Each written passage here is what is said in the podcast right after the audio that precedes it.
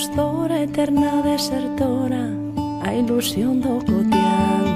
O caos do sistema, cada día un lema Cada verba un imán. A psicose extensiva, fondura máis viva Un sentir a prazer As mulleres que cantan e as que se levantan Dan ya vida un porqué.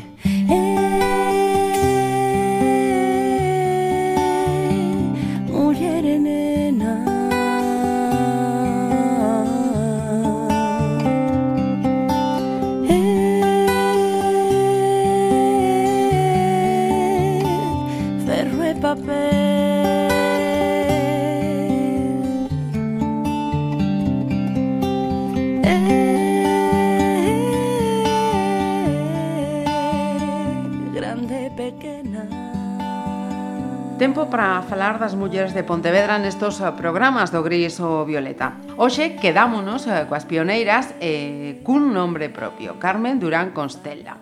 Para comenzar, imos a escoitar a súa biografía.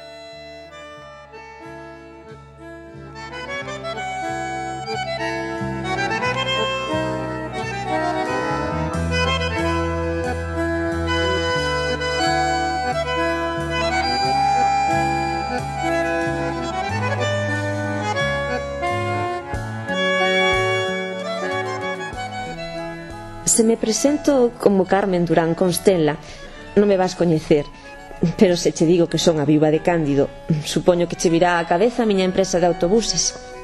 Fíxeme cargo dela cando morreu o meu home. Eu tiña 38 anos, tres criaturas, e estaba de novo embarazada. Foi duro seguir sen el, pero xa estaba acostumada a traballar a reo. Aínda era unha meniña e xa andaba a axudar a miña nai, Paca, a carrexar as cestas das verduras que vendía na praza ou as da roupa que lavábamos no río. Apenas levantaba un palmo do chan e xa ia coas tinas na cabeza desde a rúa San Román, onde vivía daquela. A vida inteira foi traballo. Non parei. Cando casei andaba de revisora na empresa do meu home. Autocares Cándido. Nin pensei sequera mudarlle o nome cando el marchou, porque daquela era así. Viúva de Prósperi, viúva de Paz, viúva de Cándido. As mulleres estábamos á sombra deles, mesmo cando xa non estaban. Sen el traballei aínda máis. Subía cada día ao autobús así estivera cansa, estivera enferma ou estivera rota. Unha vez, mesmo subín de xeonllos porque andaba escaiolada e non podía sentar. Convertín a parte dianteira do garaxe nunha froitería e ali vendía os produtos que mercaban as aldeas. Nunca deixei de ir a unha feira. Mes mandei no extraperlo. E un día enfronteime a aqueles gardas que amedrentaron a unha muller por levar café. Non sei como pensaban eles quitar a fame. Eu intentei axudar no que puiden. Recollía nas paradas da montaña, no traxecto entre Lalín e Pontevedra, os paquetes que as familias lles mandaban aos presos ao cárcere e eu mesma ía a entregarllos. Tiña 19 anos cando foi o golpe de Estado e xa levaba moita miseria nas costas. Cando unha lle mirou a cara á fame, non pode mirar logo para outro lado, por moi ben que lle vayan as cousas. Pois afondamos no carácter pioneiro desta muller xunto á súa neta, Mar Piñeiro Villalustre. Benvide, grazas por estar con nós. Gracias por invitarnos. Eh, estamos diante dunha muller eh, traballadora, como escoitábamos, eh, dende nena incluso eh, estaba xa traballando eh, axudando a súa familia. Sí, eh, Soanei vendía na Praza da Verdura, despois pasou a vender na Praza da Bastos, que foi un dos primeiros postos. Uh -huh. Ela sempre eh, axudando pois a súa nai uh -huh. eh, para sacar, claro, todo, a familia adiante. Uh -huh. Chegou ata vender castañas, que aí foi onde conoceu a, o seu home, a meu avó. Ah, sí. Coñeceu porque o teu avó iba a comprar a mercar castañas e eh, aí, aí se xurdiu o, o, o amor. Precisamente, eh, sigue traballando esta muller xa no, na empresa do Tuabo, no? Co, co transporte. Eh, sí, deciden montar xuntos unha empresa de, de autocares. Bueno, empezou primeiro como mercancías, uh -huh. eh, despois do camión transformou no, en pasaxeiros tamén, daquela levábase tanto mercancías como pasaxeiros no, no, no mismo vehículo, gando e de todo. Uh -huh. e, e así comezaron. Ajá. Uh -huh. Eh, sería case que, que excepcional, ¿no? Que, que en un momento como, como aquel eh, unha muller deixe de estar na casa estea a traballar asuntos e un en unha empresa. Eh, Máximo con con unha empresa como transporte, ¿no? Que non é sí, un, un sector que ainda hoxe sigue sendo bastante masculino. Uh -huh. Daquela, imagínate, todavía uh -huh. todavía máis. Uh -huh. Pero ela si sí, foi moi emprendedora, moi loitadora. Meu avó era moi bo eh, por el, el daba todo, uh -huh. entón miña abuela era que poñía ali as, as cousas en riba da mesa, uh -huh.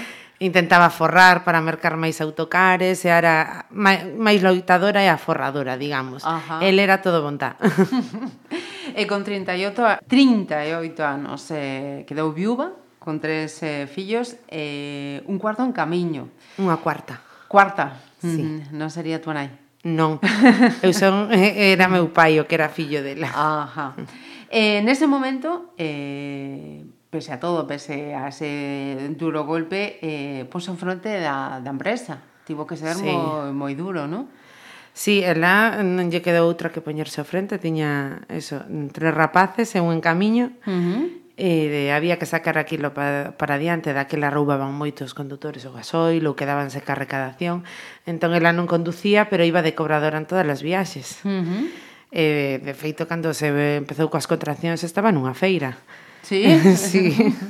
Sí, sí, sí. Caramba. Eh, traballou sempre moitísimo, verdad? Uh -huh. Outro síntoma desa fouteza, eh, Lin, que incluso estando enferma ou accidentada, ela seguía traballando. Sí, sí, sempre. Non deixaba uh -huh. nunca de ir a traballar. A toca perna rota iba. Caramba. Eh, comprometida a máis eh, Carmen eh, Durán, unha muller que non dubidou en enfrontarse á Garda Civil cando veu que, que unha muller estaba a vender café para o extraperlo, ela eh, saiu na súa defensa. Sí, eso creo que foi por lo que me contan en Pedre. Uh -huh que si sí, ela enseguida nos, non, non, non acalaba a nadie, non lle tiña medo a, a nadie. Uh -huh. o sea, eso por suposto que era Ajá. Eh, de ideas eh, claras, imagino, tamén, sí, ¿no? para tener esas sí, sí, sí, e moito carácter. Uh -huh. Moi firme, moito carácter, moito, sí. Ajá. Eh, outro exemplo tamén eh, de como era esta, esta muller que hoxe temos como, como protagonista eh, comprometida eh, coas eh, injustizas do, do momento, porque eh, utilizaba ou aproveitaba eh, o transporte de, da, da súa empresa para eh, levar paquetes a, de familiares ás persoas que estaban na, na cárcere. Na cárcere da Parda, sí, porque uh -huh. la bueno, tiña moita amistad, pois, na cárcere. Uh -huh. Entón, a xente das aldeas parabanlle o autobús para que, por favor, lle levaran paquetes, pois, de comida ou de roupa ou do que fora. Uh -huh. E mi abuela ao chegar e ao terminar de limpiar o autobús e descargar e demais, iba po cárcere a entregar todos esos paquetes. Caramba. E eh, que, como facía unha muller para atender a empresa prácticamente as 24 horas para atender os seus fillos? Como... Cos seus fillos tuvo moita axuda da súa nai e da súa irmán Paca, uh -huh. evidentemente. Uh -huh. Porque senón sería imposible, porque ir ás feiras leváballe todo o día, era unha empresa era das que máis feiras autorizadas tiña naquel uh -huh. momento, que daquela era o importante, uh -huh. ter feiras. Uh -huh. Oxe son outras cousas, non? Pero daquela Era uh -huh. primordial, ela tiña 29 autorizadas o mes. Uh -huh. Caramba. O sea que, sí. Eh, una, non sei se chamar eh, injustiza, pero certo é que a empresa eh, se coñeceu e saiba dante con nome de Viuda, Viuda de Cándido, non? E sigue claro. hoxe. Sigue hoxe en día e seguirá. eh, claro, o fundador daquela elevase moito autoca... Eh, sempre, claro, a figura eh, masculina era o importante. Ajá. Autocares Cándido empezou e cando quedou viúva, añadiuse e engadiuse o de viuda. Uh -huh. e así quedou e, e seguirá. Uh -huh. E para as eh, mulleres desta familia hoxe en día, mm, que a, a persoa da, da túa boa Eh, cal é exemplo que, que recolliches? Moito traballo, uh -huh. sin traballo non hai nada, eh, non deixarse derrumbar por nada, e loitar, eh, Uh -huh. Eso, que no, nada pode con nós, non? Uh -huh. E o nome seguirá Viúva de Cándido, non sí. netos ni... Eu son neta, terceira xeración, que está ao frente da empresa actualmente, uh -huh. eh, non, non teño pensado cambiala. Uh -huh. Eh, imagino, non, tamén xa para, para rematar esta, esta conversa que o feito de que neste proxecto de recoñecemento das mulleres de, de Pontevedra a túa boa este, este entre elas. Home, estamos moi orgullosos. Uh -huh. de, deste recoñecemento, claro, non deixa de ser iso. Uh -huh.